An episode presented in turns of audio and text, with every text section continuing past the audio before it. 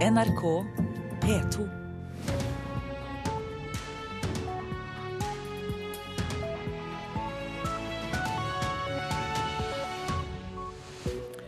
Og Øystein Heggen ønsker deg velkommen til Nyhetsmorgen. Dette er våre saker. Brann i asylmottaket altså i Hemsedal i Buskerud i natt. Vi får en rapport fra brannvesenet her hos oss. Tilstanden for Norges forsvar er verre enn før 9.4.1940. Det mener forsvarsvenner som kommer med opprop til regjeringen. Politiet i Oslo åpner et nytt senter mot vold i nære relasjoner, men krisesenterets leder frykter at det kan overta deres funksjon. Republikanernes presidentkandidater var i debatt igjen i natt. Temaene var innvandring, skatt og Midtøsten. Ja, Som vi hørte i Dagsnytt, eh, brant kraftig et asylmottak i Hemsedal i Buskerud i natt. Alle de 162 beboerne er evakuert, og ingen mennesker er skadd. Brannsjef Dag Botnen eh, forteller at deler av bygningen er brent helt ned. Det begynte jo å brenne i den store tredelen, eh, eldste del av, av mottaket. og Den delen er nå dessverre brent helt ned. Vi valgte å ikke prioritere, men heller begrense brannen til resten av bygget den eh, strategien den holdt. Så nå er som sagt det gamle tredjedel brant ned, og bygget i sin eh, altså bygget ellers eh, står intakt. Hvordan oppsto brannen? Nei, Det vet vi ikke. Det er altfor tidlig å si noe om. Så vet ikke. I hvilken del av bygningen begynte det å brenne først? Del av bygningen vet jeg heller ikke, ikke annet enn at det var den gamle tredelen som brant. Eh, vi fikk jo melding eh, om at det var full fyr, og dermed så var jo brannen eh, den var jo godt i gang den når vi kom opp der, så vi har ikke noen formening om hvor i bygget den har starta. Hvordan vil du karakterisere brannen og skadene etter den? Brannen var stor og omfattende. Eh, meldingen var at det var full fyr i bygget. Eh, og Ut ifra den så eh, slo vi en ganske stor alarm. Vi tok ut ressurser fra fire ulike kommuner. Og jeg hadde som utgangspunkt i at dette var en veldig alvorlig brann. Den er jo selvfølgelig alvorlig, men det viste seg veldig fort eh, at det ikke var folk i bygget. De hadde gode rutiner, de hadde evakuert alle. Og de hadde òg eh, hatt opptelling når vi kom, og kunne bekrefte at samtlige var ute av bygget. Hvordan vil du karakterisere håndteringen av redningsarbeidet og det å evakuere beboerne bort fra nærliggende bygg? Nei, altså, sånn sett utenfra, Nå deltok ikke vi i brannvesenet i evakueringen, men sett utenfra så virka dette veldig bra. De ble først tatt ut, telt opp, eh, frakta bort til en skole like i nærheten, og deretter frakta inn til sentrum. Så eh, dette virker på meg utenfra veldig bra. Hvordan ser det ut eh, på branntomta nå? Ja, nå driver vi med etterslukking på den delen som da er brent ned. Eh, det er fremdeles varme. Det er fremdeles behov for å holde beredskapen oppe. Fordi eh, det er eh, varme både i himling og eh, andre steder. Så, så vi har ikke, vi har ikke, si, ikke full kontroll, men vi har likevel kontroll på situasjonen. Brannsjef Dag Botnen altså, om brannen i asylmottaket i Hemsedal i natt. Innvandring, skatt og Midtøsten var blant hovedtemaene da USAs republikanske presidentkandidater i natt møttes til sin fjerde fjernsynsdebatt. Og USA-korrespondent Gro Holm, du er med oss. Hvem kom best ut denne gangen? Ja, Det er ikke så lett å svare på, det er ulike meninger om det. Men det var i hvert fall en jevnere og sakligere debatt enn de tidligere tre. Den eneste kvinnen i panelet, Carly Fiorina, hun klarte seg bra. Men det sto kanskje enda mer på spill for Jeb Bush, som eh, ligger som nummer seks på meningsmålingen nå. Og han har fått mye kritikk for merkelige kommentarer og lite energi. Men i dag så grep han sjansen til å markere distanse til Donald Trump, da Trump igjen tok til orde for å bygge en mur mot innvandrere fra Mexico. Her er Bush i et eh, kutt som, eh, der han mener at planen om å bygge en mur er både umoralsk og umulig å gjennomføre. 12 million illegal immigrants to, to send them back, 500,000 a month, is just not, not possible. And it's not embracing American values. Og utenrikspolitikk var også et av temaene i natt. Kom det fram noen uenighet mellom de republikanske kandidatene? Ja, det gjorde det. Eh, Syria, Irak og forholdet til Russland ble et hovedtema. Og både Jeb Bush og Carly Fiorina tok til orde for eh, flyforbudssoner over Syria. Det var Rand Paul, eh, isolasjonisten i panelet, helt uenig. Og eh, både Bush og Carly Fiorina de var også mot å samarbeide med Vladimir Putin for å få en slutt på krigen i Syria. Men det var ikke Donald Trump enig. i. Hør bare her hva han sier.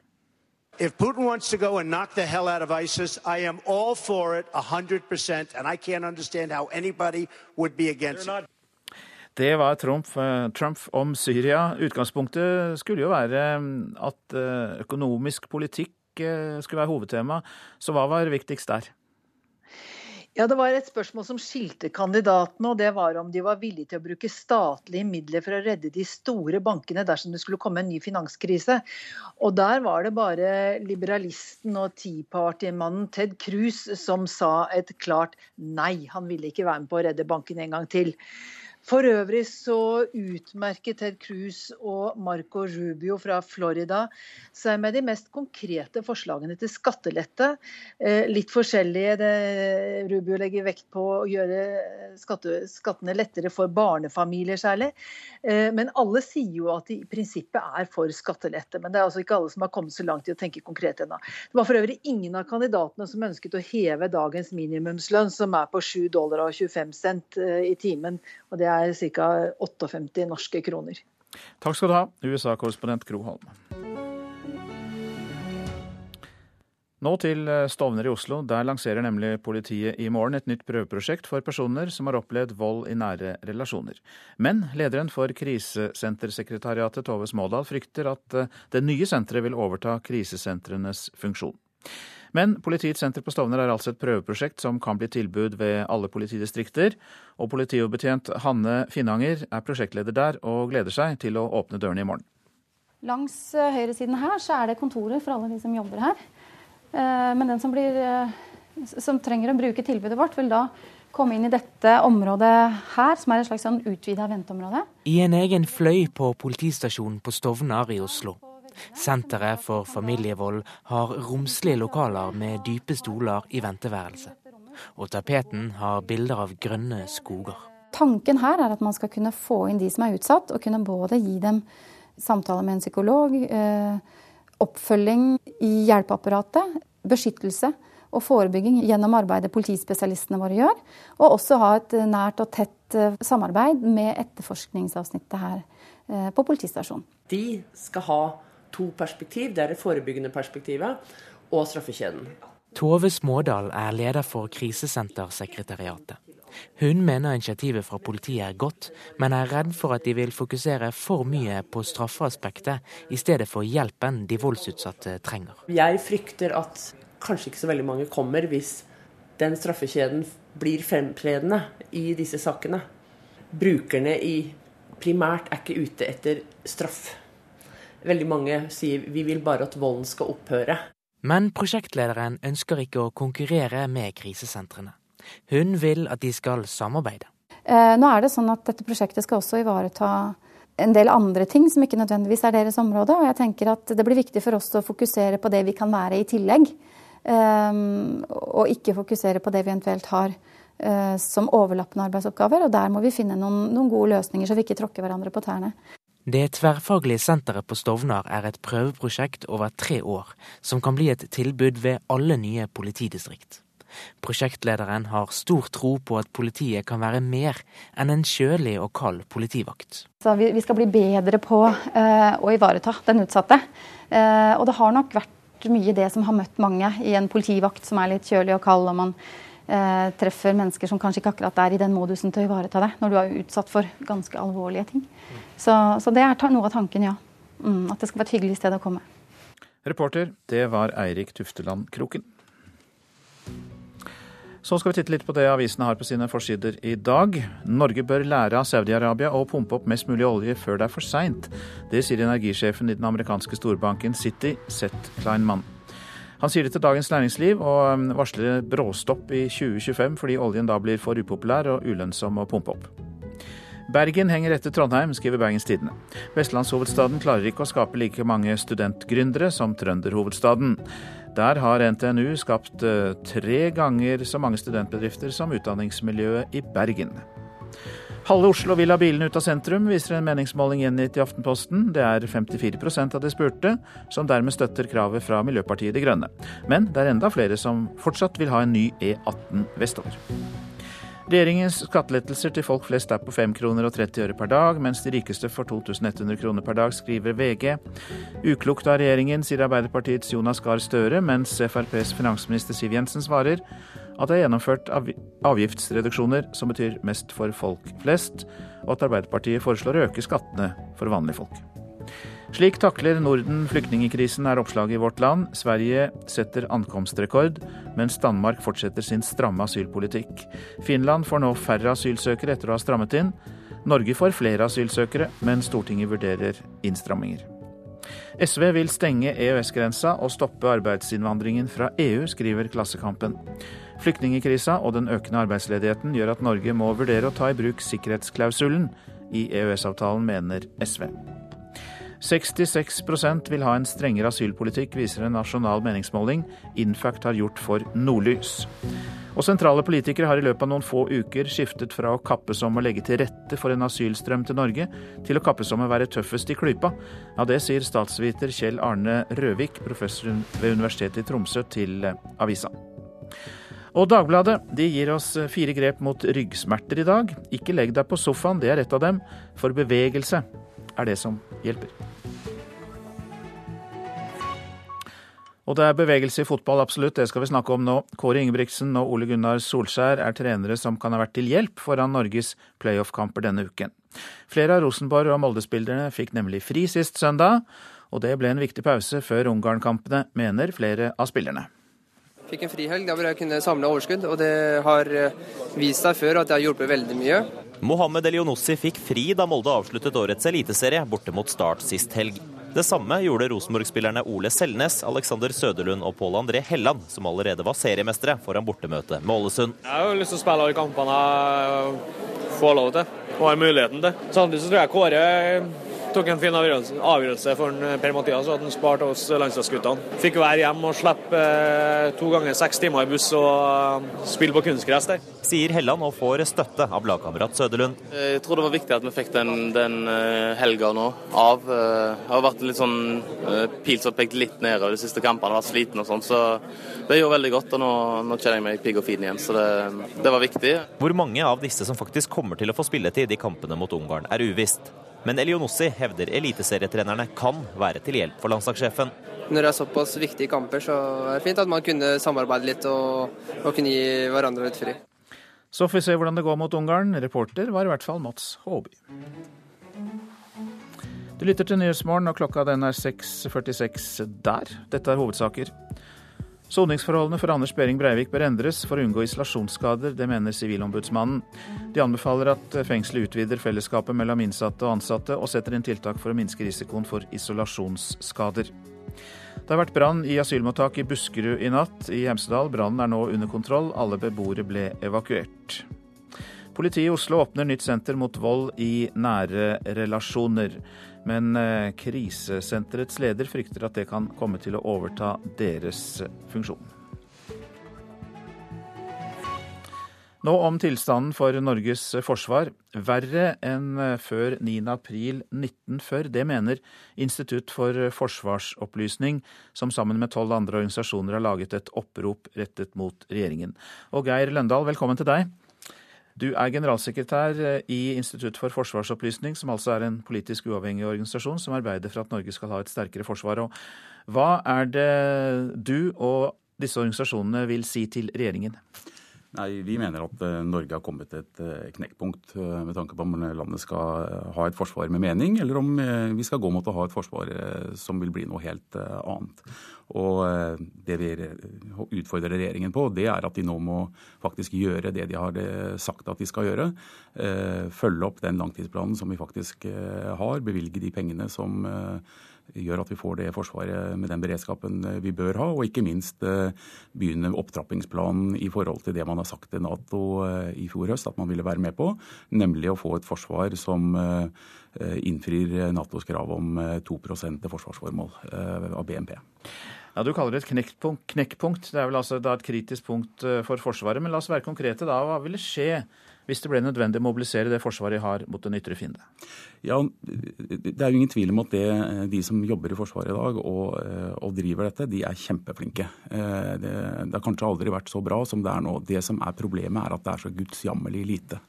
Og Det betyr at hvis vi får endringer i, i, i den sikkerhetspolitiske situasjonen som gjør at vi trenger mer enn det vi eh, har i dag, så kommer vi til å komme i kjempestore problemer eh, fordi at det er så lite. Og eh, hvis det blir vanskelige avveininger som skal gjøres om vi får hjelp eller ikke raskt nok, så, så vil vi i en, et, et, komme i en veldig vanskelig situasjon fort. Ja, men jeg kommer litt i stuss her, for I mange år så har vi hørt at vi trenger ikke et så stort forsvar, vi trenger et høyteknologiforsvar. Og det er andre krav nå enn til det store volumet av soldater og våpen som vi hadde i gamle dager. Er det ikke slik, da? Nei, det man har eh, fokusert på, det er å kunne bidra til alliansen. Spesielt i forhold til internasjonale operasjoner. og Derfor så har man vridd Forsvaret i den retningen. og Det har vært helt nødvendig, og det har vært helt eh, riktig. Men det vi ser nå, det er for første gang eh, så ser vi f.eks. en stormakt som tar seg til rette på et annet europeisk lands eh, territorium, som vi så på, på Krim. Og det er noe helt uh, nytt. Så situasjonen er uh, helt annerledes enn bare var for noen få år siden. Er dere redde for Russland? Er det det som ligger bak her? Russland eh, er i hvert fall noen som må følge veldig eh, nøye med på. Men det er klart at det er et vannskille at vi ser at en stormakt tar seg til rette på et annet lands eh, territorium her i Europa. Det er det ingen tvil om. Hva konkret venter dere at regjeringen skal gjøre etter at dere har kommet med dette dette kravet. og Det står jo også som en annonse i flere aviser, dette oppropet. Hva skal regjeringen gjøre? Nei, Regjeringen skal gjøre det de har lovt at de skal gjøre. Eh, stå ved det de har eh, sagt. Det ligger ikke noe dramatisk i dette i det hele tatt. Det er bare å gjennomføre den politikken som tydeligvis regjeringen, i hvert fall utad og retorisk, har sagt at de skal være med på, nemlig å fylle opp den langtidsplanen som allerede ligger der, og ikke minst oppfylle det man har sagt i Nato at man skal gjøre. Starte en opptrappingsplan og styrke Forsvaret innen 2025. Og nå er det altså på tide å begynne å levere på det. Ja, for du mener da at eh, de sier noe, men gjør noe annet? Ja, det er jo helt uh, åpenbart det. Og uh, lakmustesten uh, var jo forsvarsbudsjettet til neste år, 2016. I år så mangler det ca. 1,2 milliarder kroner til tilstedeværelse, beredskap, øving og trening. Og vi ble nok veldig overrasket, mange av oss, når vi så at man ikke styrker forsvarsbudsjettet for 2016 med tanke på å være til stede der hvor det er nødvendig. Takk skal du ha, Geir Løndal. Du representerer altså Institutt for forsvarsopplysning, der du er generalsekretær. Og så er det altså da tolv andre organisasjoner også bak dette oppropet til regjeringen. Takk skal du ha. Det finnes ikke så mange gavmilde nordmenn som er villige til å bruke penger på kultur. Det tror Norges museumsforbund. I Dagsrevyen i går så fortalte NRK at kulturministerens forsøk på å få flere private til å gi penger til kultur i liten grad har lykkes og det på tross av at antall nordmenn med store formuer er høyere enn noensinne. De trenger ikke å snu på kronestykkene, og heller ikke på sedlene for den saks skyld. De er toppledere, jobber i oljebransjen, er forretningsadvokater eller eiendomsmeglere, og blir stadig flere. Mellom 20 og 30 000 nordmenn har nå formue på mellom 10 og 50 millioner kroner. Vi snakker om Norges nye anonyme overklasse, som Fritt Ords Knut Olav Åmås har begynt å kalle dem. Felles for alle disse er at de eh, ikke nødvendigvis har den aller største makta i det norske samfunnet, og de er slett ikke synlige, men de sitter nær pengene og makta.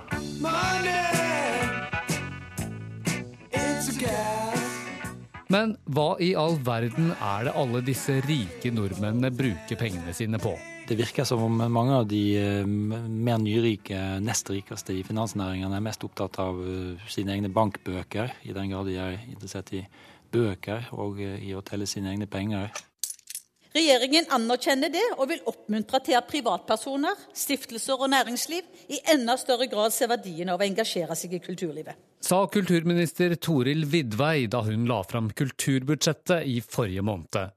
Flere private penger er så viktig, synes hun, at hun bruker mer enn 30 millioner kroner i år på å lokke private, både enkeltpersoner og selskaper, til å gi gaver til museer mot at staten gir 25% på toppen. Det kalles gaveforsterkningsordningen og er et av Vidveis store politiske prosjekter.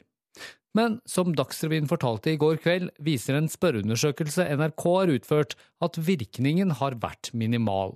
Denne undersøkelsen tyder på at gaveforsterkningsordningen ikke har fungert etter hensikten, i hvert fall ikke i den første fasen den har vært eh, i virksomhet. Sier professor Sigrid Røyseng ved Handelshøyskolen BI i Oslo. Disse giverne ville nok uansett gitt de pengene som de har gitt i denne perioden, til kulturformål. Kulturministeren har sett resultatene fra NRKs spørreundersøkelse, men mener det likevel er for tidlig å si at hun ikke har lykkes. Dette er et langsiktig arbeid. Det er å skape en kulturholdning, en endring. Liv Ramskjær i Norges museumsforbund er derimot bekymret for om det kanskje ikke finnes nok gavmilde, rike mennesker i Norge. Nei, det finnes kanskje ikke det. Altså, det er vel grenser for hvor mange prosjekter Jens Ulltveit Moe, Christian Ringnes eller eh, Kristin Sveås kan gi midler til. Vi trenger nok flere glade rikinger som har lyst til å støtte museene for å få opp den prosenten. Money! Denne reportasjen var laget av eh, Petter Sommer og Helga Tunheim. I går kveld sto verdensstjerner fra R.I.M. og Led Zeppelin på scenen i Vadsø under festivalen Ice Station. Musikerne var på privattur til Vadsø, og som takk for gjestfriheten, så ga de to gratiskonserter til inntekt for den lokale jazzklubben. Fra en scene der ingen skulle tro at stjerner fra band som R.E.M. og Led Zeppelin kunne stå, tester verdensstjernene lyd og scene før kveldens konsert. Heftige greier. Festivalsjef Robert Lundgren smiler fra øre til øre. Litt uvirkelig er dette fremdeles. Uh, ja. Kort og godt på det spørsmålet. Det er jo selvfølgelig superstas at de er i Vadsø.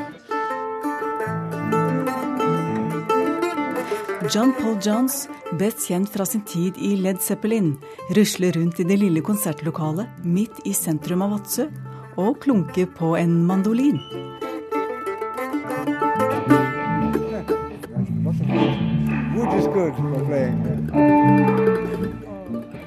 Fint rom, nikker han. Festivalen Ice Station kom nærmest rekende på ei fjøl. Billedkunstner Michelle Nowak besøker et gjestegalleri i Vadsø i hele november og hun spurte vertskapet i Finnmark fylkeskommune om hun kunne invitere noen musikkvenner nordover for å spille gratis. Noen av dem er altså bautaer i rockehistorien. Men nå har konsertklare vadsøværinger strømmet til Kulturhuset for å lage fest på lokalet med superstjerner. Jeg gleder meg lenge til det. Er det litt sånn uvirkelig dette her? Det er ikke bare litt uvirkelig, det er veldig uvirkelig at denne gjengen her kommer hit opp til Lille Vadsø og, og gjøre det her gratis. Som en, som en gave til byen. Det syns jeg er helt fantastisk. Helt fantastisk.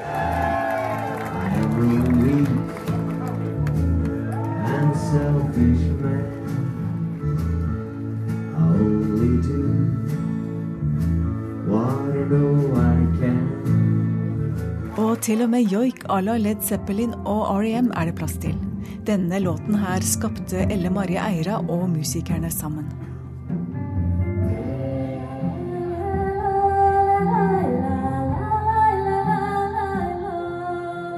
Musikk er jo et felles språk, så vi på en måte forstår hverandre. Selv om vi ikke har samme bakgrunn og erfaring. Og, og vi skapte et øyeblikk sammen. Vi følte det at det her var noe, det her var noe fint.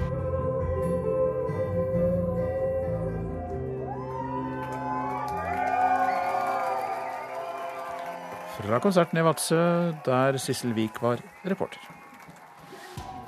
Så tar vi for oss været fram til midnatt. Fjell i Sør-Norge. Periodevis liten vestlig kuling utsatte steder. I ettermiddag sørlig stiv kuling utsatte steder fra Hardangervidda til Strynefjellet. Og det blir sludd- og snøbyger i fjellet, men mest av det i vestlige områder. Østland og Telemark kort og godt oppholdsvær og perioder med sol. Agder først og sist på dagen enkelte regnbyger i vestlige områder, men ellers oppholdsvær i Agder også. Rogaland enkelte regnbyger, etter hvert stort sett opphold, og i kveld litt regn igjen. Nedbør som snø over ca. 1000 meter. Hordaland regnbyger, snøbyger over ca. 900 meter. I ettermiddag liten sørvest kuling på kysten av Hordaland. Så går vi til Sogn og Fjordane, som får liten sørvest kuling ved Stad. Enkelte regnbyger, snøbyger over ca. 900 meter. I ettermiddag forbigående sørvest stiv kuling på kysten, til dels sterk kuling ved Stad. Og så blir det økende byggeaktivitet etter hvert, og utrygt for torden til og med. Møre og Romsdal og Sør-Trøndelag sørvest liten og til dels stiv kuling på kysten. Seint i kveld blir det bris. Regnbyger, snøbyger over ca. 700 meter, og fra i ettermiddag er det utrygt for torden. Nord-Trøndelag periodevis sørvest liten kuling på kysten. Regnbyger, snøbyger i høyereliggende strøk. Og så til Nordland det blir eh, sørvest liten kuling på kysten. I kveld dreier den sørlig. Og så blir det regnbyger, snøbyger i høyden og lokal torden på kysten. Troms litt sludd og regn, vesentlig midt på dagen, og så blir det oppholdsvær i kveld. Finnmark i kyst- og fjordstrøkene sørøstlig liten kuling, i øst perioder med stiv kuling. På vidda og i Varanger litt snø, men ellers for det meste oppholdsvær i Finnmark. Og vi går til Nordensjøland på Spitsbergen. Sørøst liten kuling utsatte steder. Fra i ettermiddag periodevis stiv kuling. I østlige områder litt sludd eller regn, ellers oppholdsvær. Og vi tar med oss noen temperaturer, og disse ble målt klokka fire i natt. Svalbard lufthavn, Svalbard lufthavn pluss tre, Kirkenes minus fire, Vardø null. Alta pluss to, Tromsø-Langnes fire, Bodø fem. Brønnøysund og Trondheim begge med seks grader. Molde sju, Bergen-Flesland åtte, Stavanger ti. Kristiansand-Kjevik ni, Gardermoen to, Lillehammer null. Røros var nede i minus sju, og Oslo-Blindern hadde pluss én grad.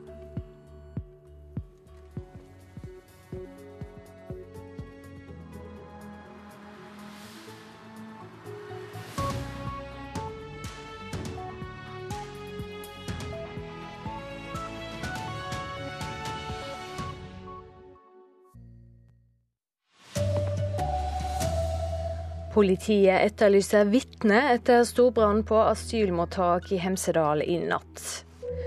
Soningstilhøvet for Anders Behring Breivik bør endres for å unngå isolasjonsskade, det mener Sivilombudsmannen. Her er NRK Dagsnytt klokka sju ved Silje Sande. Det brann kraftig på et asylmottak i Hemsedal i Buskerud i natt. Alle de 162 beboerne ble evakuerte, ingen er skadd.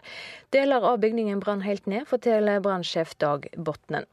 Det begynte jo å brenne i den store tredelen, eh, eldste del av, av, mottaket. og Den delen er nå eh, dessverre brent helt ned. Altså Bygget ellers eh, står intakt. Hvordan oppsto brannen?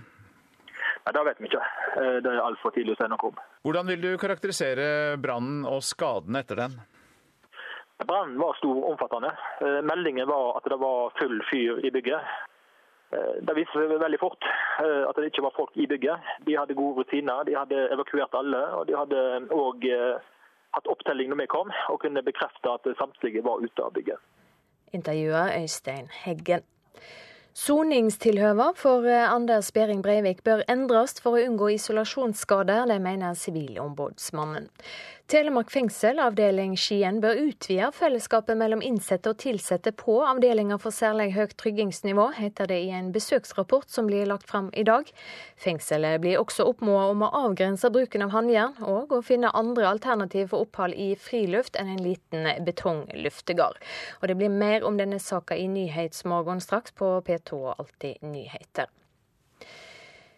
Utenriksminister i USA John Kerry sier landets utenrikspolitikk må ta omsyn til klimaendringene og konflikter de kan skape. Kerry har satt ned ei egen gruppe som skal sørge for at kunnskap om klimaendringene blir integrert i utforminga av utenrikspolitikken. Gruppa skal bl.a. vurdere hva for land som risikerer konflikter pga. endringer i klimaet. I Myanmar er Aung San Suu Kyi valgt inn i landets nasjonalforsamling. Det opplyser valgkommisjonen i landet. Nå har opposisjonslederen varsla at hun vil snakke med president og statsminister Thein Sein og med hærsjefen i landet.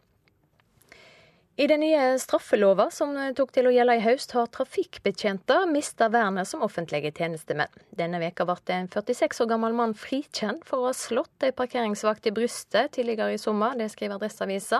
Det var påtalemakta sjøl som ba om frifinning, men statsadvokaten sa samtidig at lova bør endres. Og det var NRK Dagsnytt. Nyhetsmorgen fortsetter med disse sakene. Vi får en oppdatert rapport fra brannen i asylmottaket i Hemsedal. Vi skal høre mer fra Sivilombudsmannen, som altså kritiserer soningsforholdene ved Skien avdeling av Telemark fengsel. Der er Anders Behring Breivik en av de innsatte. Mange eldre arbeidstakere ønsker å jobbe lengre, viser ny rapport. Og svensk Nato-medlemskap ble tema på nordisk forsvarsministermøte, som vi også får rapport fra. Ja, alle beboerne ble evakuert da hørte vi Dagsnytt da det begynte å brenne i et asylmottak i Hemsedal i Buskerud i natt. Og reporter Gunnar Grimstveit, du er på brannstedet. Hvordan ser det ut? Ja, Jeg står nå fem meter ved siden av den nedbrente veggen på eh, Hemsedal statlige mottak. og det, Nå er det ganske mørkt ennå, men det ryker kraftig. Men det er ifølge brannfolka her stort sett vann, for det har kontroll over ilden nå. Og det er ettersløkning som foregår. Hvis vi hører godt etter, så, så går brannslangene ennå. Og det er en del glør i området, men eh, det er eh, full kontroll over det hele. Men eh, i natt, da det fikk melding her, så var det ikke full kontroll. Torstein Karslegard, du er fagleder brann. Ja, det var jo en ganske dramatisk melding om vi får bekrefta brann på Hemsedal statlige mottak. Så vi valgte å være litt proaktive og kalte ut store styrker. Og når vi kom hit, så var det jo ganske dramatisk. Så... Fortell hvordan det så ut da. Nei, Hele den gamle delen som består av kontor og, og, og kjøkken, var da i full fyr. Og da var alle folka var jo da kommet ut. Og de ble da raskt frakta over til en skole som ligger på andre sida av veien. Og vi fikk altså, Noen minutter etter vi kom hit, så fikk vi bekrefta at alle var ute. Det det, det, men gikk det inn med røykdykkere i bygget? Vi var inne med røykdykkere i bygget i en veldig tidlig fase, ja. Mm. Det var med. Men uh, alt var profesjonelt evakuert? Alt var profesjonelt evakuert, og det var oversikt over antallet, så det var veldig bra. Det var over 160 stykker inne i asylmottaket da det begynte å brenne. Ja. Det måtte ha hatt det ganske dramatisk, de som da fikk meldinga? Det var nok en dramatisk melding å få. Ja. Men eh, nå, kan du beskrive situasjonen nå? Nei, nå har eh, de fleste pakka sammen. Nå er det Hemsedal brannvesen som står igjen her og driver med ettersløkking. Så nå eh, er det ikke så mye som foregår. Men eh, og i en periode her, eh, i og med at veien går tett innpå brannstedet, så var også rv. 52 mellom Gol og Bolaug var også stengt. Men eh, nå er den åpna, nå slipper de biler forbi. Og det er ganske rolig på brannstedet. Det er en del brannbiler som driver med ettersløkning, en del mannskap som driver med ettersløkning. Det begynner å lysne av dag, men foreløpig så ser jeg bare de blinkende blålysa rundt eh, brannstedet her på Tuv i Hemsedal, der det har vært stor dramatikk. Og Torstein, Torstein Karslegard, helt til slutt, så eh, Hvor mange var det som ble evakuert? Nei, Det er jeg ikke helt uh, sikker på. Det, jeg har hørt at det var ca. 160 stykker. Ca. 160 stykker var inne i asylmottaket her, som er et tidligere hotell på Tuv i Hemsedal. Takk skal du ha, Gunnar Grimstveit, som altså var uh, vår reporter på brannstedet. Nå til eh, det vi hørte i Dagsnytt, en rapport fra Sivilombudsmannen som ble offentliggjort nå i morgentimene. Sivilombudsmannen kritiserer soningsforholdene ved Skien avdeling av Telemark fengsel. Det er uh, samme fengsel der Anders Behring Breivik for tiden soner. Og Helga Ervik, god morgen til deg. Du leder avdelingen for forebygging av tortur hos Sivilombudsmannen. Hva viser rapporten fra dere? Vi eh, har gjennomført et besøk til hele eh, Telemark fengsel avdeling Skien. Eh, både høyere sikkerhetsnivå og særlig høyt sikkerhetsnivå.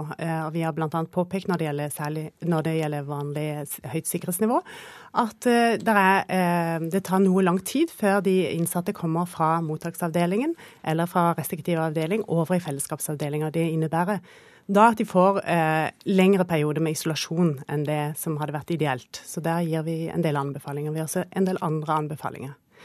Ja, hvilke da? Når det gjelder særlig høyt eh, sikkerhetsnivå, så eh, påpeker vi jo eh, isolasjonsregimet.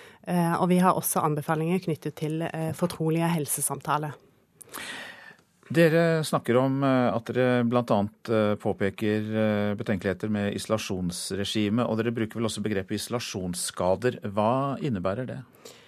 Eh, isolasjonsskade er noe som kan oppstå, eh, som er velkjente fenomener som kan oppstå både mentalt, eh, men også fysisk. Hvis man over lengre tid ikke har menneskelig kontakt, eller veldig lav grad av menneskelig kontakt. Internasjonalt snakker man om at 22-24 eh, timer i døgnet utgjør isolasjon, og at man da er i et område der man, eller er i en situasjon der man har høyere grad av risiko for at man kan få helsemessige skader av det.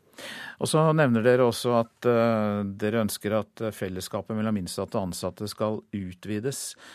Uh, hva betyr det? Hva slags fellesskap snakker vi om da? Eh, det som er situasjonen på særlig høyt sikkerhets, som var situasjonen under besøket, og som ofte er det fordi det er veldig lite antall personer i Norge som sitter på et så høyt sikkerhetsnivå, det er at det ikke er samvær med andre innsatte. Og det er jo vanlig på en høyt sikkerhetsnivåavdeling, så er det vanlig at man har samvær med andre innsatte.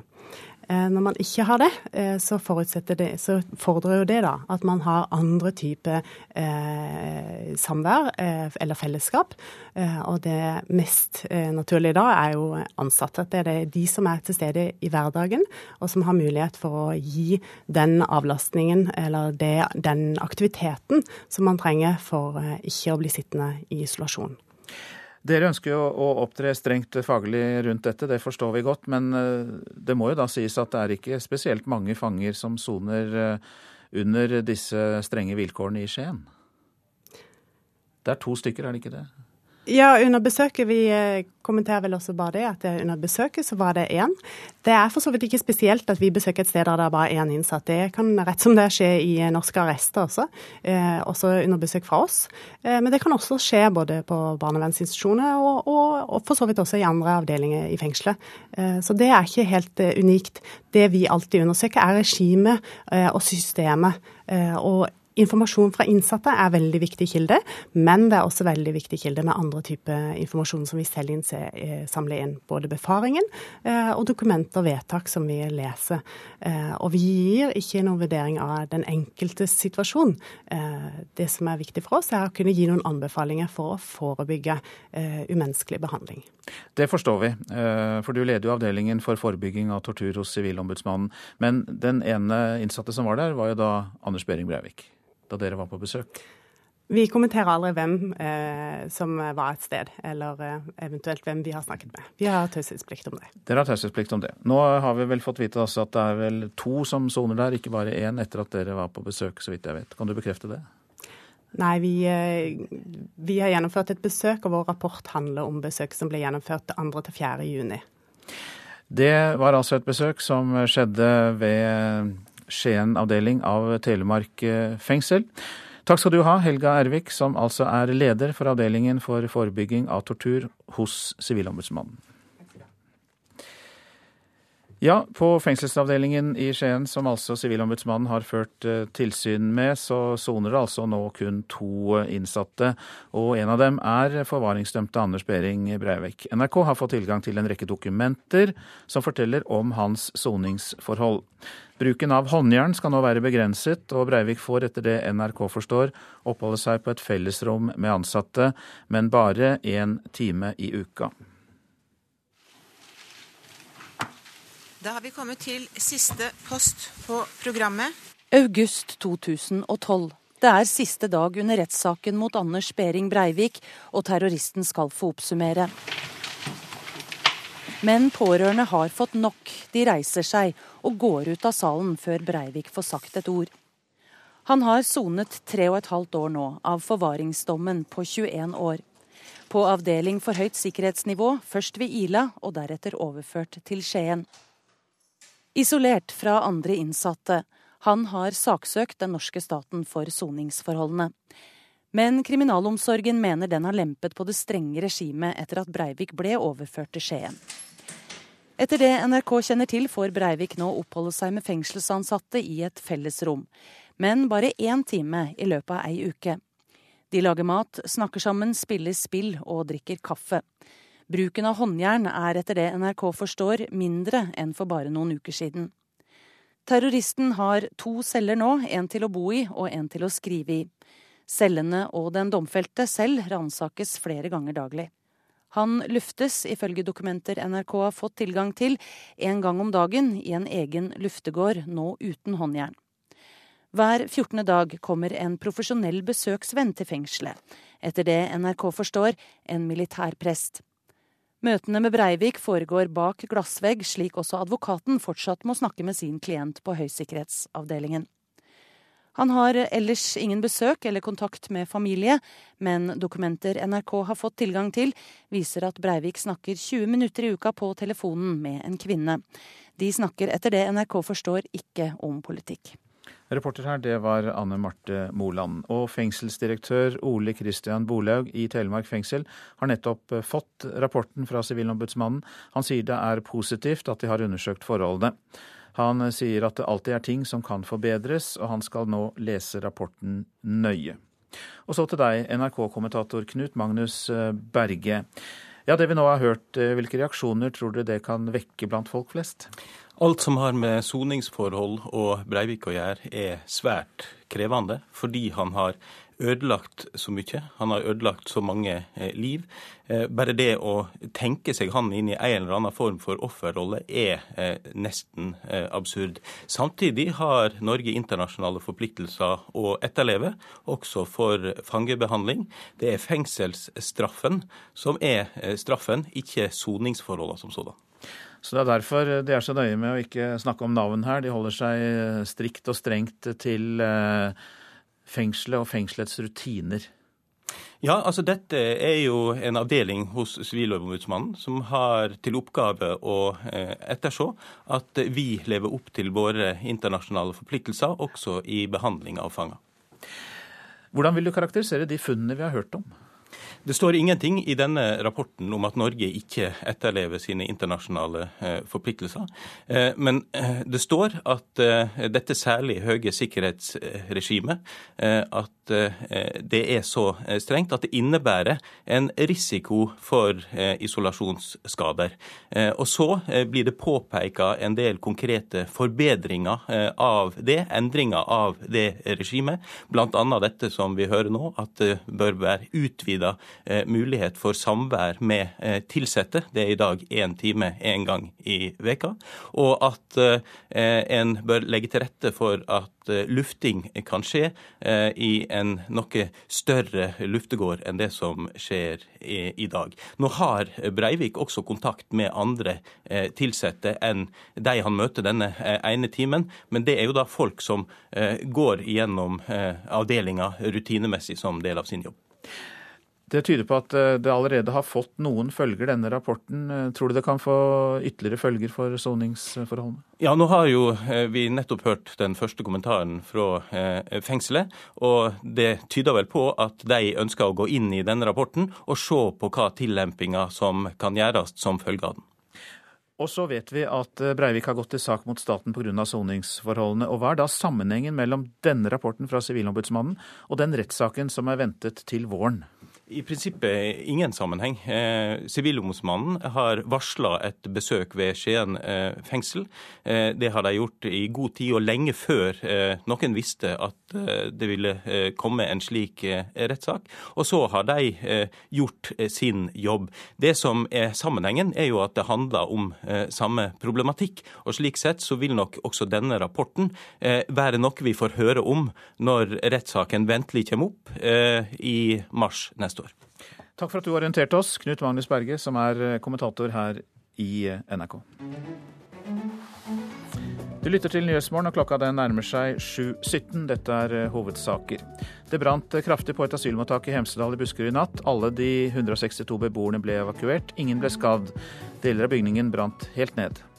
Soningsforholdene for Anders Behring Breivik bør altså endres for å unngå isolasjonsskader, mener Sivilombudsmannen. De anbefaler altså at fengselet utvider fellesskapet mellom innsatte og ansatte, og setter inn tiltak for å minske risikoen for isolasjonsskader. Og eh, mange eldre arbeidstakere ønsker å jobbe lengre, viser en ny rapport som vi skal høre om. Ja, for vi vil jobbe til vi er over 66, eh, svarer arbeidstakere i en ny undersøkelse. Det er eh, en undersøkelse gjort blant yrkesaktive som Senter for seniorpolitikk legger fram i dag. Men i praksis så skvises mange seniorer ut av arbeidslivet tidligere enn de ønsker, og leder i Senter for seniorpolitikk, Kari Østerud, er eh, uansett glad for at folk ønsker å jobbe lenger. Gjennomsnittlig ønsket avgangsalder for de 1000 yrkesaktive som vi har spurt, er eh, faktisk 66,2 år. Det er oppsiktsvekkende høyt, egentlig. Det er Ipsos som har gjennomført denne undersøkelsen for Senter for seniorpolitikk. De spør hvert år et utvalg på 1000 yrkesaktive hvor lenge de ønsker å være i arbeidslivet. Siden målingene starta, har den foretrukne pensjonsalderen økt fra 61 til over 66 år, sier en positivt overraska Kari Østerud. Det er en stor endring fordi 66,2 eh, er jo et gjennomsnitt. Det betyr at det er veldig mange som kunne tenke seg å jobbe my veldig mye lenger enn det. Faktisk nesten én av tre sier at de kunne tenke seg å jobbe til de blir 70 år eller eldre. Og det er jo ikke så mange 70-åringer i Norge som er i jobb. Så sånn sett så er det et, eh, et høyt tall. Eh, og for så vidt et gledelig tall for oss som er opptatt av å øke yrkesaktiviteten blant de eldste. Østerud er altså leder i Senter for seniorpolitikk. Men i arbeidslivet er det ikke alle voksne arbeidstakere som er like velkomne. I finansbransjen skvises mange nå i realiteten ut fra de er 55 år. En ny utvikling som bekymrer advokat i Finansforbundet, Pål Berens. Det vi opplever at de som presses ut, eh, blir, eh, er yngre. Altså, tidligere var det gjerne 60 pluss, og nå ser vi at 55 eh, pluss er de som ofte blir berørt i nedmanning og omstillingsprosesser. Hva ønsker dere å gjøre med det? Nei, vi, eh, vi ønsker gjerne å, å, prøve noen av de sakene for domstolene. Vi, vi mener at uh, arbeidsgiver ikke har rettslig anledning i en del av de sakene til å gjøre det. Og vi ønsker å sette et fokus på dette fordi vi vil at uh, virksomheten i større grad skal tilrettelegge for at også denne generasjonen, som faktisk har 15 år igjen i arbeidslivet, skal få muligheten til å fortsette i de virksomhetene der de er ansatt. Når bankene skal nedbemanne, får arbeidstakere over 55 gjerne tilbud om sluttpakke eller vesentlig lavere lønn. Mange føler seg pressa ut, forteller advokat Pål Berens. Det er et, eh, et veldig paradoks, slik eh, vi ser det òg. Og, og, særlig nå så ser vi nærmest en motsatt tendens av hva myndighetene ønsker. Eh, man vil jo nå tilrettelegge for at de skal stå lenger i arbeid, mens vi ser i det praktiske arbeidsliv at stadig yngre presses ut av arbeidslivet. Det er altså et gap mellom hvor lenge folk ønsker å stå i jobb, og hvor lenge de faktisk jobber.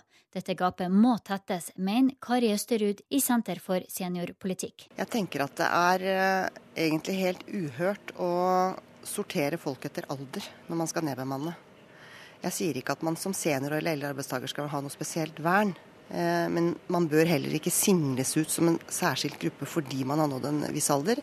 Det vi vet etter fylte 55 år, er det utrolig vanskelig å få ny jobb. Så for mange så betyr det takk og farvel til arbeidslivet en gang for alle altfor tidlig.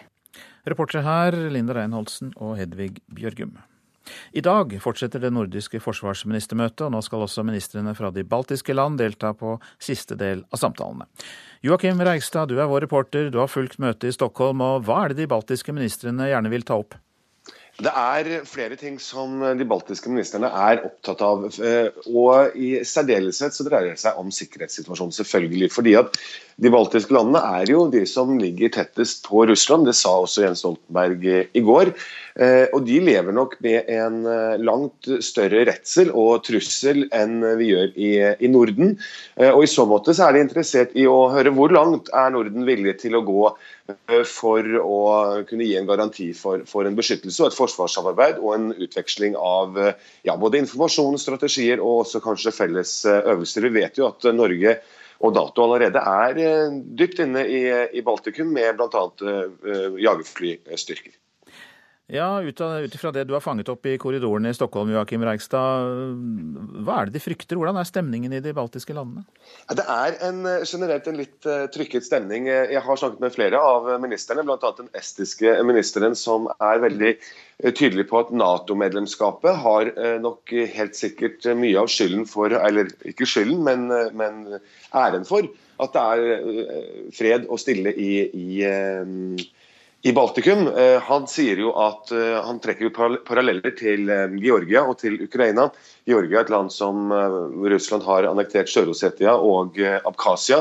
Og Ukraina, hvor Russland har annektert Krim og også skapt sannsynlig da, mye uro i Øst-Ukraina. Han sier at disse landene var jo ikke Nato-medlemmer. Og hva vet vi hva som hadde skjedd i Baltikum hvis vi ikke hadde gått inn i Nato i 2004? Og Møtet har jo også blitt preget av at et flertall i Sverige ønsker at landet blir med i Nato nå. Hva blir sagt om sannsynligheten for det?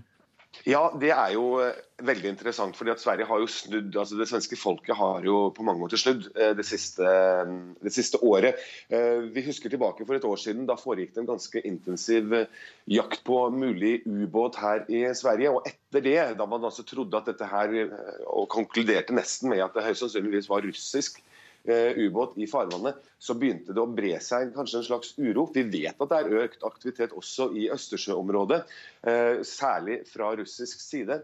Og Etter dette så har en del uro begynt å bre seg i, eh, i det svenske folket. og Det har snudd. og Et flertall sier nå ja til medlemskap. Men så er det da på den andre siden politikerne som ikke eh, vil eh, forandre på, på, Sveriges standpunkt om å være nøytrale. De sier at vår sikkerhetsstrategi må ligge fast. Vi kan ikke forandre den basert på, på opinionsmålinger.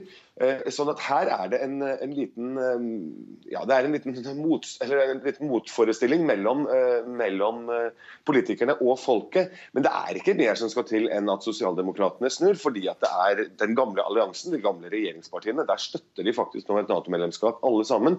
Så det er ikke mange bevegelser som skal til før Sverige skifter syn i, i spørsmålet om Nato-medlemskap. Mange takk, Joakim Reigstad. Du følger altså møtet blant de nordiske forsvarsministrene i Stockholm. Så var det avisene, da, det de har på sine forsider. Norge bør lære av Saudi-Arabia å pumpe opp mest mulig olje før det er for seint, sier energisjefen i den amerikanske storbanken City. Han heter Seth Kleinmann, og han sier til Dagens Næringsliv at det blir bråstopp i 2025 fordi oljen blir for upopulær og ulønnsom å pumpe opp. Bergen henger etter Trondheim, skriver Bergenstidene. Vestlandshovedstaden klarer ikke å skape like mange studentgründere som trønderhovedstaden. Der har NTNU skapt tre ganger så mange studentbedrifter som utdanningsmiljøet i Bergen. Halve Oslo vil ha bilen ut av sentrum, viser en meningsmåling gjengitt i Aftenposten. Det er 54% av de spurte som dermed støtter kravet fra Miljøpartiet De Grønne. Men det er enda flere som fortsatt vil ha en ny E18 vestover. Regjeringens skattelettelse til folk flest er på 5 kroner og 30 øre per dag, mens de rikeste får 2100 kroner per dag, har VG regnet ut. Det er uklokt av regjeringen, sier Arbeiderpartiets Jonas Gahr Støre, mens FrPs finansminister Siv Jensen svarer at det er gjennomført avgiftsreduksjoner som betyr mest for folk flest. En spesiell låneordning har ført til at flere unge bønder tør å satse i Luster i Sogn og Fjordane. I løpet av det siste året har det blitt 1000 færre gårdsbruk i Norge, men i Luster så tilbyr kommunene rentefrie lån til større landbruksinvesteringer. Og da ble det avgjørende da jeg skulle satse, sier bonde Kjetil Ruud. Her blir det inndelt i fire gårder i bygget. Så er det tillaget det skal være 80 sauer. 27 år gamle Kjetil Ruud studerer byggetegningene til det nye fjøset som er i ferd med å reise seg på gardstunet hans i Jostedalen i Luster. Han er klar til å ta fatt på bondeyrket på heltid. Det er noe det jeg har hatt lyst til å dreve med hele tida. Når muligheten var der for å få støtte til bygget, så da bestemte vi oss for å satse på det. Ruud er en av flere optimistiske unge bønder i Luster. Til nyttår står den nye driftsbygningen klar til å romme 300 sauer. Her oppe så blir det en kraftprofil, og her ute denne firkanten. En gunstig finansieringsordning kommunen tilbyr, har hatt mye å si. Jo, den er ganske vesentlig. Den for å, er god hjelp for å kunne satse. For målet mitt er nå å ha det som en fulltidsjobb. Kommunen gir nemlig rentefrie lån til større landbruksinvesteringer. Siden 2008 har bønder i Luster kunnet nytte seg av låneordninga dette har ført til at flere unge bønder tårer å satse, sier næringssjef i kommunen Olav Grov. Og det er en næring som krever løpende investeringer skal du eh, på en måte holde tritt med utvikling i. Og det dette har ført til, er jo at det har kommet ganske mange unge bønder i næringa, og det er svært gledelig. Til nå har 37 bruk i kommunen nytta seg av ordninga. Jeg tror ikke det er mange i Norges land som har ei så god finansiering som det vi med. Lånet fra kommunen sitt næringsfond dekker 20% av kostnadene til utbygginger. Det lånet er rentefritt i hele løpeperioden. Dvs. Si altså du betaler ikke rente på det lånet. og Det er jo en svært god finansiering. da. Som kommer i tillegg kanskje til ja, vanligvis da, til Innovasjon Norge sin eh, finansiering. Da. Ved utgangen av juli i år var det over 1000 færre gardsbruk i Norge enn året før. Noe som er den raskeste nedleggingstakta siden finanskrisa. Leder i Sogn og Fjordane Bondelag, Anders Felde, mener flere kommuner bør gjøre som Luster for å sikre en utvikling i landbruket. Helt klart uh, håper vi at flere kommuner kan støtte bøndene på denne måten. Vi skal være klar over at landbruket er mer kapitalkrevende enn det var før. slik at uh, de mulighetene en gir til bøndene i Luster, det er veldig positivt, og vil nok føre til at bøndene i Luster utvikler seg veldig positivt. Og resten da bygget er 30 ganger 12 meter. Å satse og leve som bonde i dag krever store investeringer. Den nye fjøsen til Rudi Jostedalen koster fire millioner kroner. Uten låneordninger fra kommunen og støtteordninger fra Innovasjon Norge er det ikke sikkert 27-åringen og familien på tre hadde satsa like stort. Hvis du ikke hadde fått noen slags støtte, så hadde det vært en større utfordring. Du hadde vel ikke bygd et uh, så kostbart bygg. Det gjør det mulig til å drive med litt mer sauer i forhold til hvis du hadde bygd på en annen og billigere metode. Den reportasjen var laget av Stine Kyrkjebø Johansen. Du lytter til Nyhetsmorgen. Produsent i dag Anne Jetlund Hansen. Her i studio Øystein Heggen. I reportasjen etter Dagsnytt så kan du høre om korrupsjon og grådighet i Vatikanet. Flyktninger og utbytteforhold i utbytteforbud skal det være i skolen. Det er de to temaene som blir tatt opp i Politisk kvarter kvart på åtte. Og så minner vi om nettstedet radio.nrk.no, der du kan høre alle NRKs radiokanaler.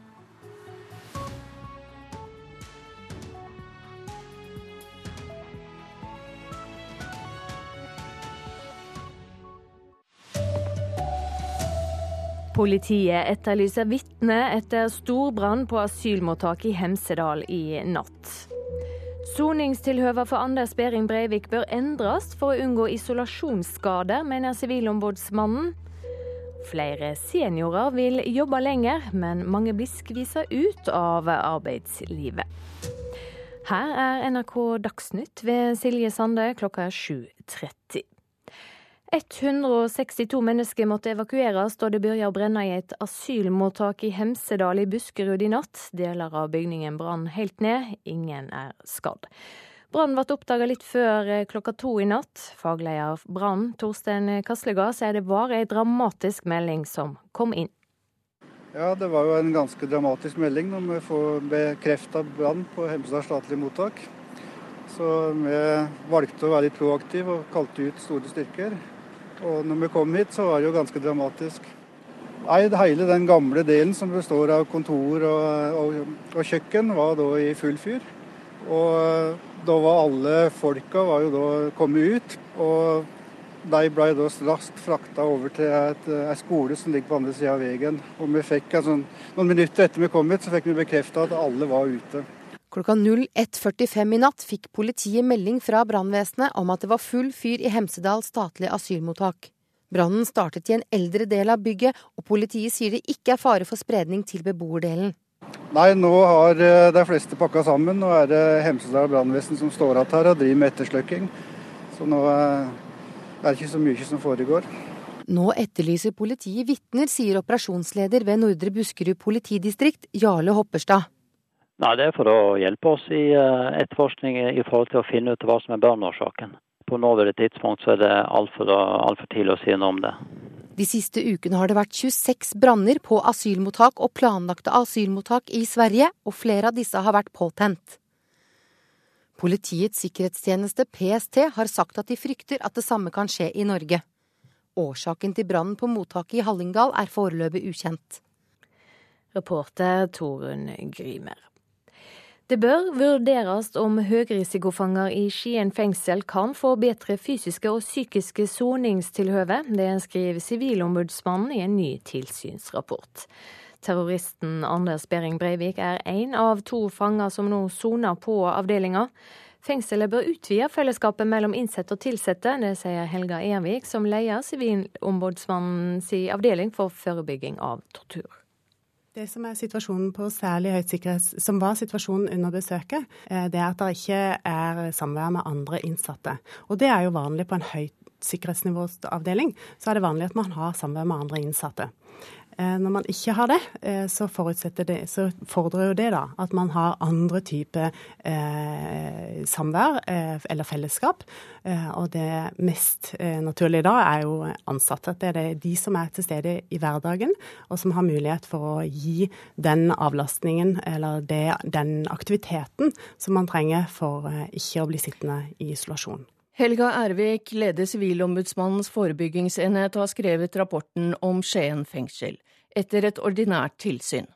Sivilombudsmannen anbefaler at fengselet utvider fellesskapet mellom innsatte og ansatte, og vurderer andre tiltak for å minske risikoen for isolasjonsskader på de innsatte på høyrisikoavdelingen. Det er to innsatte på avdelingen, Anders Behring Breivik er en av dem. Ombudsmannen anbefaler også å se på andre alternative muligheter for opphold i friluft utover en mindre betongluftegård. Sivilombudsmannens anbefaling er at fengselet avslutter overvåkningen av helsesamtaler som foregår med glassvegg mellom innsatt og helsepersonell. Jeg er fornøyd med at de har vært her, og rapporten eh, så langt eh, syns jeg er, eh, er bra. Sier Ole Kristoffer Borhaug. Han leder Telemark fengsel i Skien og har nettopp fått tilsynsrapporten. Altså, jeg vil si det at uh, Den synliggjør òg at uh, fengselet driver på en uh, forsvarlig måte, og vi gjør veldig mye bra. Samtidig som en peker på enkelte ting som vi blir anbefalt å, å jobbe med. Reporter Hedvig Bjørgum. Og kommentator Knut Magnus Berge, hva slags reaksjoner kan vi vente oss på dette? Ja, I opinionen så er jo alt som har med soningsforhold og Breivik særdeles eh, krevende. I det hele tatt å se for seg han i en eller annen form for offerrolle er eh, bortimot eh, utenkelig. Men så har altså Norge internasjonale forpliktelser å etterleve i behandling av fanger. Og når vi hører på fengselets første reaksjon her, så er det vel grunn til å tro at det blir lempinger i dette sikkerhetsregimet. Ja, hva følger får rapporten? Ja, eh, Det er altså ikke en rapport som slår fast at eh, Norge bryter med sine internasjonale forpliktelser når det gjelder eh, fangebehandling. Men rapporten slår fast at dette særdeles høye sikkerhetsnivået er så strengt at det innebærer en økt risiko for isolasjonsskader. Og så peker de på forbedringspunkter. At det går an å organisere samværet med tilsatte i fengselet på en annen måte. I dag er dette én time én gang i, veka. Eh, I tillegg da til eh, det han ser av tilsatte som er på rene rutinerunder eh, i fengselet. Breivik har jo gått til sak fordi han er misnøyd nettopp med soningstilhøvet. Er det noen sammenheng her? I prinsippet ikke. Dette er en rutinemessig eh, sjekk fra eh, Sivilombudsmannens eh, side. De har som oppgave å etterså at Norge etterlever sine internasjonale forpliktelser. Men det omhandler jo samme problematikk, så vi kommer nok til å få høre om denne rapporten når rettssaka ventelig kommer i mars neste år. Takk skal du ha, kommentator Knut Magnus Berge. I eh, Myanmar er det nå klart at Aung San Suu Kyi er valgt inn i nasjonalforsamlinga, og partiet hennes går mot en solid valgsiger. Likevel, det er de som frykter at valgresultatet ikke kommer til å bli godkjent av det sittende regimet. Nett nå blir stemmene fintelte.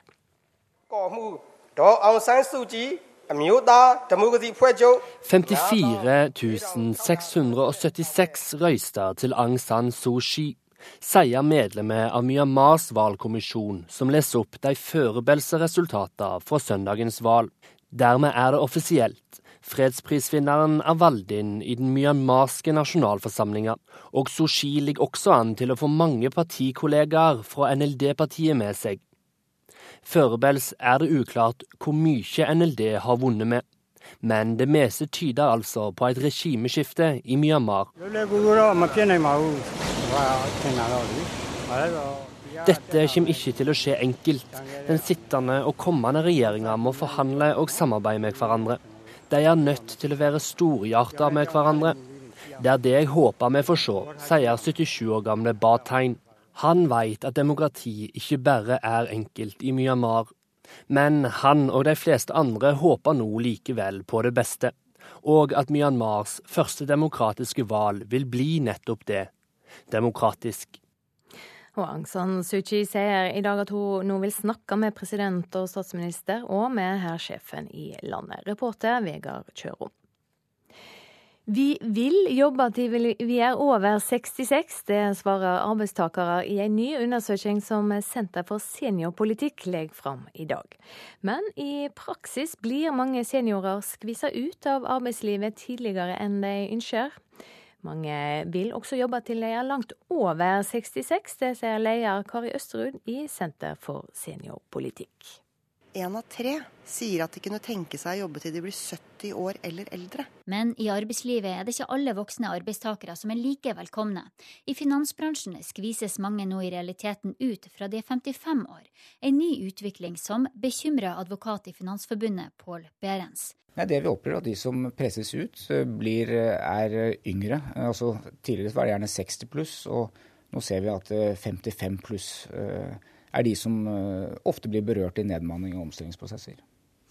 Hva ønsker dere å gjøre med det?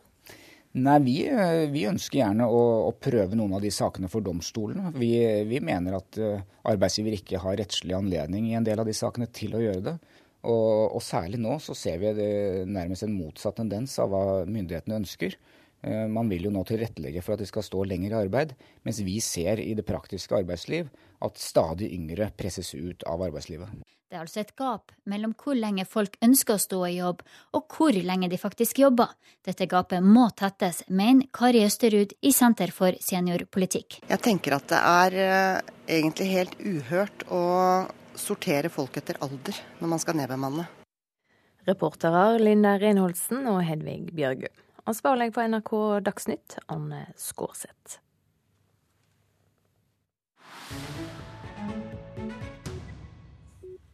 Nyhetsmorgen lytter du til. Nylig ble to tidligere medarbeidere av paven arrestert fordi de skal ha lekket interne dokumenter til to journalister som dekker Vatikanet. Bøker om Vatikanstaten beskriver korrupsjon og verdslig grådighet i den prestestyrte ministaten, på en måte som eh, pavestatens representanter misliker eh, sterkt. Joar Ho Larsen har laget denne reportasjen. Ut omnis qui credit in eum non pereat set abeat Vatikanet er noe mer enn Den hellige stol, som den lille staten også heter når vi snakker om senteret for alle verdens katolikker. For Vatikanet er også en verdslig, politisk og økonomisk enhet, et faktum som fra tid til annen kan stå ikke bare i kontrast, men i direkte motsetning til den pavelige fromhet og hans oppriktige ønske om reform. Denne konflikten ble anskueliggjort i to bøker som kom i forrige uke. Con questi soldi sono stati fatti investimenti anche all'estero su azioni di società petrolifere come la Esso, come la Down Chemical, eh, come la Pepsi Cola. Det finnes, ifølge en av forfatterne, Emiliano Fittipaldi, ikke bare krefter i Vatikanet som vil sabotere pavens reformsarbeid, men som er villige til å gå svært langt for å få det stanset. Årsaken skal være at utro tjenere i Vatikanet risikerer å miste verdslige privilegier og lukrative frynsegoder dersom paven får gjennomført sine planer om nytenkning. En annen og noe mer sympatisk form for illojalitet er blitt begått av andre utro tjenere. De har gjort lydopptak av opphetede diskusjoner i lukkede møter og videreformidlet disse til forfatterne. Varslere ville de blitt kalt hos oss, men i Vatikanet er lekkasjer forbudt, så der ble varslerne fengslet. En avledningsmanøvre, sier forfatter Fittipaldi, for å trekke oppmerksomheten vekk fra Hans hellighets virkelige problemer.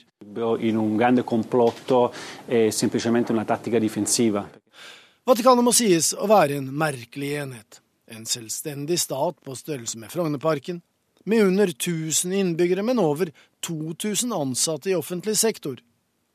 Statsrettslig er den et ikke-arvelig monarki med paven som konge.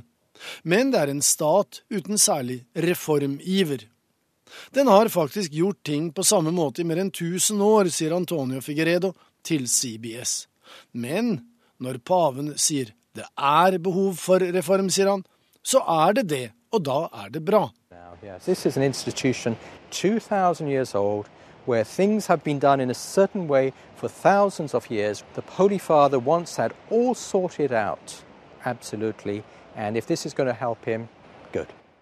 Men det er altså akkurat det de skriftlærde strides om, og skeptikerne har historien på sin side. Enkelte vil huske Vatikanets rolle i P2-skandalen på 80-tallet.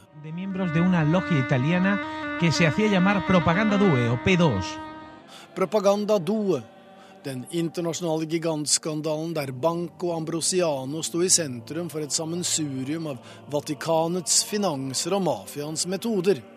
Kardinaler og kriminelle i tvilsom forening.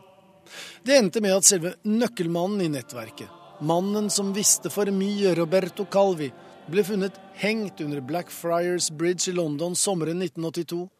Og de færreste trodde det var selvmord. Connected to the mafia, the Freemasons and the heart of the Catholic Church. All of those groups may have had an interest in his uh, elimination. Noe å tenke på der, altså, for den som vil reformere Vatikanet. Og husk, det har vært over 250 paver, men det er bare én hellig stol. Dette er hovedsaker i Nyhetsmorgen. Politiet etterlyser vitner etter storbrann på et asylmottak i Hemsedal i natt. 162 mennesker måtte evakueres, men ingen ble skadd i brannen. Det bør vurderes om høyrisikofanger i Skien fengsel kan få bedre fysiske og psykiske soningsforhold. Det skriver Sivilombudsmannen i en tilsynsrapport. Anders Behring Breivik er en av de to fangene som nå soner på den avdelingen. Mange eldre arbeidstakere ønsker å jobbe lengre, viser en rapport fra Senter for seniorpolitikk. Ifølge undersøkelsen er det mange av arbeidstakerne som ønsker å jobbe til de er langt over 66 år gamle. Og nå klart for Politisk kvarter. Der er Bjørn Myklebust programleder.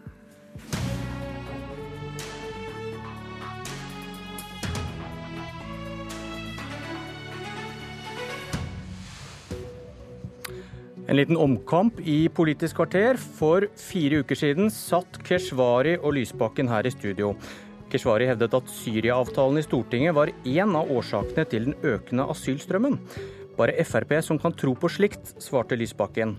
Men så har politiet hørt dette på Storskog. Norge har invitert oss. Dere skulle jo ta imot 8000. Men Mosjar Keshvari han er ikke her. Han har tydeligvis forsovet seg. Vi får se om han kommer. Velkommen, SV-leder Audun Lysbakken. Takk. Men vi må begynne med, med nattens hendelse. Det brant i Hemsedal i natt. Hva tenker du når du ser at det brenner i et norsk asylmottak?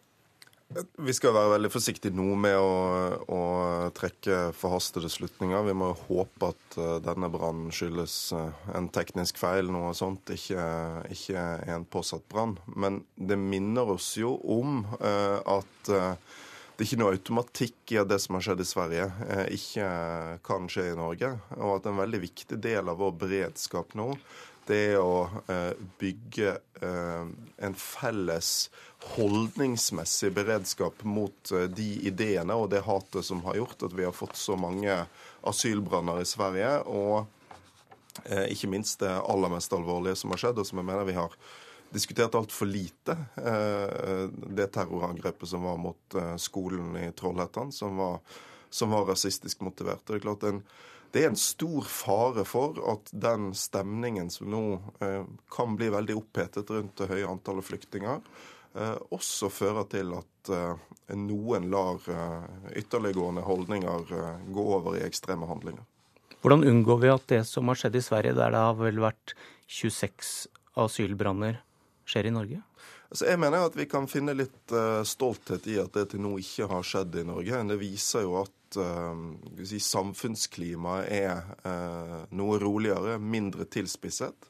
Jeg mener det er et politisk lederansvar for alle å bidra til at det forblir sånn.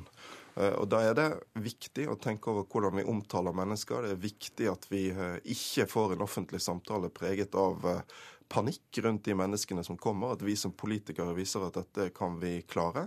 Og så er det viktig at vi alle bygger felles front mot, uh, mot holdninger som er, er ytterliggående. Og det er også et ansvar som ligger på de politiske kreftene som er skeptiske til å ta imot flyktninger.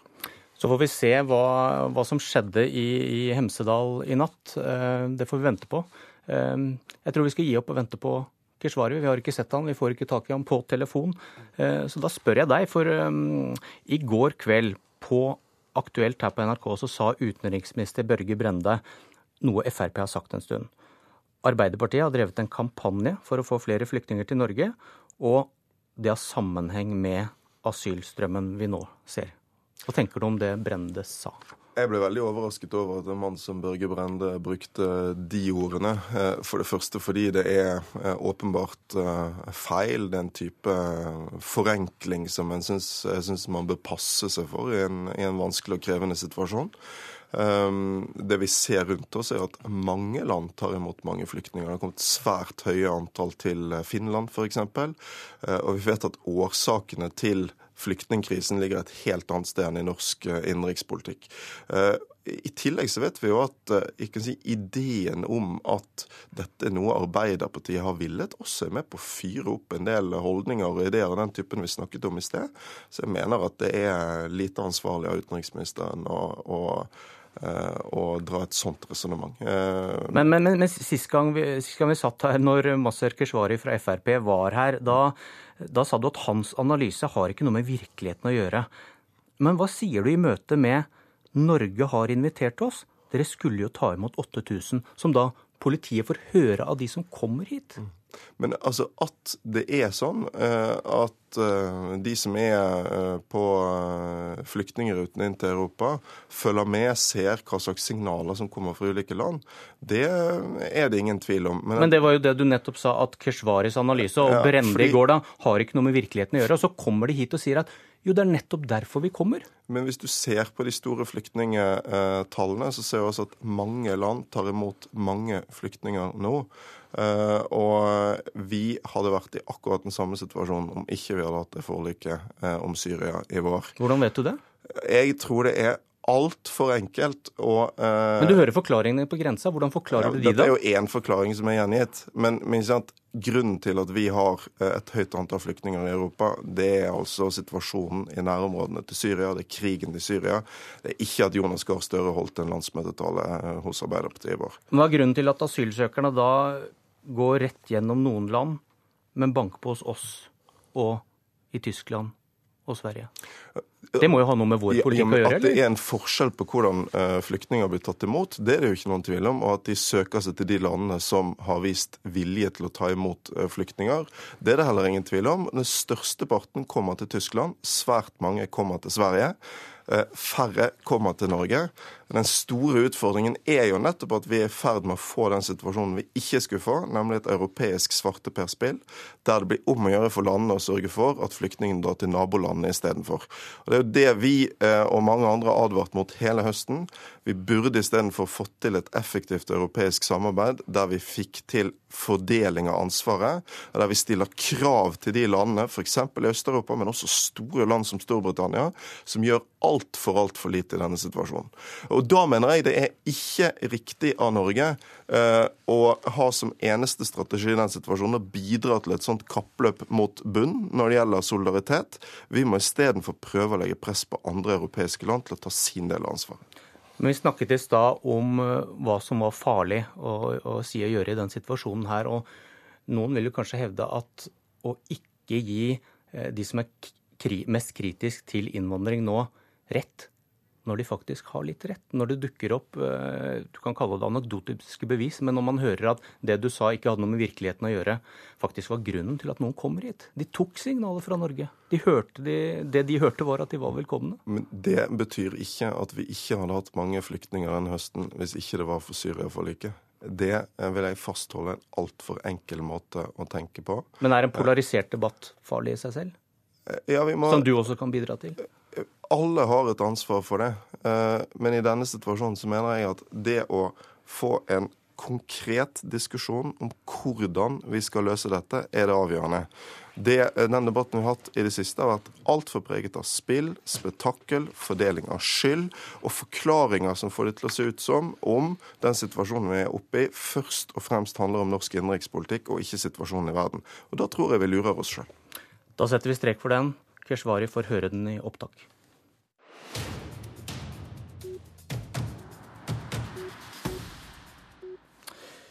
Det ble bråk da Dagens Næringsliv avslørte at eierne av selskapet Anton B. Nilsen tok ut 100 millioner kroner fra sine privatskoler. Fordi det er ikke lov til å ta utbytte når man får offentlig støtte til å drive skole i Norge. Nå har eierne snudd, og pengene blir hos skolene likevel. Atle Simonsen, leder i Fremskrittspartiets Ungdom, god morgen. God morgen. Hvorfor mener du at disse eierne burde fått lov til å tjene penger på skolene sine? Jeg mener at spørsmålet må snus. Eh, hvorfor skal det være forbudt å tjene penger på, på skole i Norge? Altså Lærere tjener penger på skole, rektorer tjener penger på skole. Vaskepersonalet som vasker på skolene, tjener penger på skole. De som produserer skolebøker, tjener penger på skole. Eh, og hele vårt eh, og vestlige verdens økonomiske system er bygd opp på en sånn måte at det er de som starter bedrifter, de som tar risiko, de som eier bedrifter, kan få tjene penger. Eh, og Det er grunnen til at jeg har en iPhone 6 liggende ved siden av notatblokka mi her, og ikke Nokia 3210. Og det er derfor òg at vi har klart å få så mange barnehageplasser i Norge gjennom barnehageforliket. Noen har satsa, tatt risiko, de har lykkes, og nå tjener de penger på det. Eh, og jeg mener at Problemet er ikke at det er investorer som ønsker å tjene penger på skoledrift. Problemet er at det er ulovlig. Eh, og det er ikke særlig attraktivt å være skoleeier med dagens regelverk. Du sitter med all risikoen, samtidig som du ikke har noen muligheter for å tjene penger på det. Eh, og det er ingen som velger å ta risiko hvis de vet at de ikke har noe å vinne på det. Og Derfor syns jeg det er rart at hvis altså, Da er det ikke rart at det, at det ender opp sånn at eierne tar ut profitt på, på, andre måter og tapper skolene på får penger på en annen måte, som ikke er bra i det hele tatt. Eh, da er det bedre at vi heller kan gjøre dette lovlig, at vi ser heller gjennom de tingene som er. Så får heller elever velge om de ønsker å gå på skoler som de er nødt til å betale for. Men hvis de kan levere et godt tilbud som noen ønsker å gå på, som de faktisk ønsker å betale for, for mindre penger enn en offentlig skoleplass, og tjener penger på det, så bør de få et klapp på ryggen. SV-leder Audun Lysbakken, hvor mener du Simonsen går feil? Ideen om at eh, vi trenger eh, flere risikokapitalister for å forbedre velferd, jeg tror jeg er en grunnleggende feil. Eh, velferd er noe annet enn det markedet Simonsen beskriver. Eh, det er ikke så veldig risikofylt eh, å investere i en nordisk velferdsstat, fordi at du får jo skattefinansiering for å utføre tjenestene. Eh, og Da er den viktige debatten mener jeg, hva er en effektiv forvaltning av skattebetalernes penger. Det er jo sånn som høyresiden pleier å være veldig opptatt av. Det er ikke effektivt å la millioner, titalls millioner, kanskje hundrevis av millioner forsvinne ut i profitt til kommersielle selskaper og eiere, istedenfor at hver krone vi bevilger til eldreomsorg, til barnevern, til skole, skal gå til eldreomsorg, barnevern og skole. Jeg er helt sikker på at det er det som gir best kvalitet i velferden over tid. Simonsen? Ja, jeg vil gi SV rett i én ting. For eh, Snorre Valen skriver et innlegg i Dagbladet eh, det er ingen som vil investere i skole eh, bare for å være snille. Og den problembeskrivelsen er jeg faktisk enig i. Eh, altså, men at når man, når man, ikke kan ta noen form for avkastning, så vil man ikke gjøre det. Men hvis man ser tilbake til barnehageforliket, eh, Audun, hvor ditt parti var et av de sterke pådriverne, eh, så godtok man, og godtok SV, at det var greit å ta utbytte på barnehagedrift. Eh, og så snart det kom et sånt profittmotiv, så poppa det opp med barnehager over hele landet. Skapte barnehageplasser, skapte arbeidsplasser. Og nå vet vi at det, eh, i mange kommuner så driver private barnehager noen av de beste, eh, beste tilbudene man har i kommunen.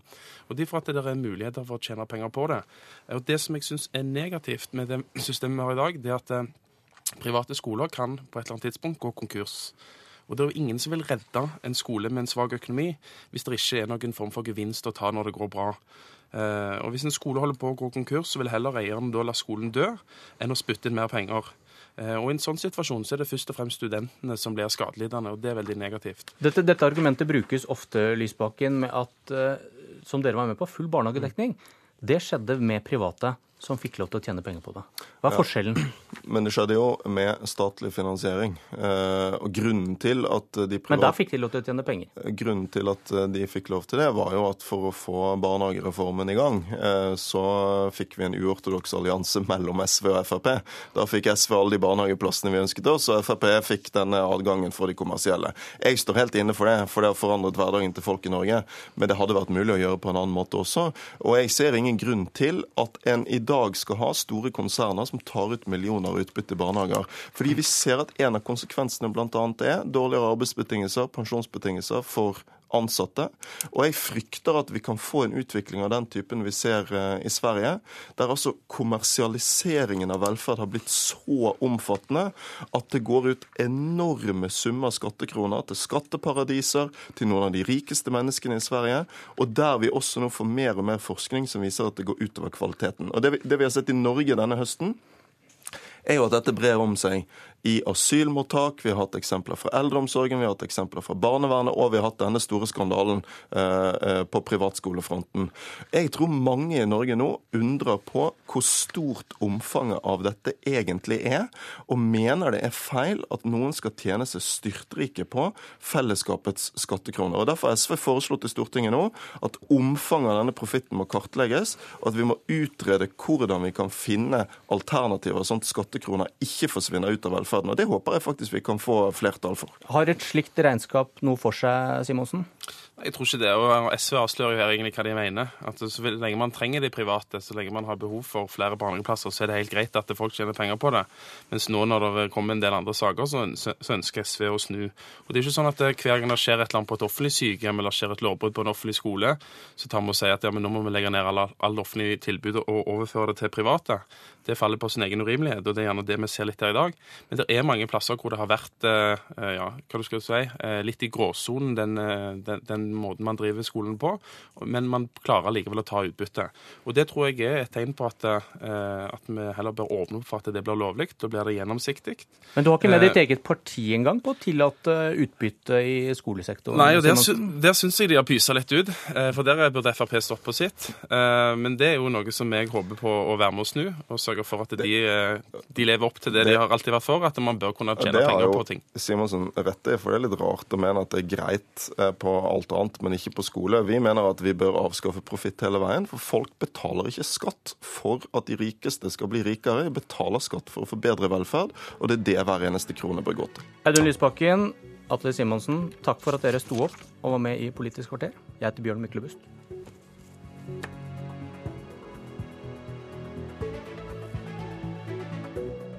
Hør flere podkaster på nrk.no podkast.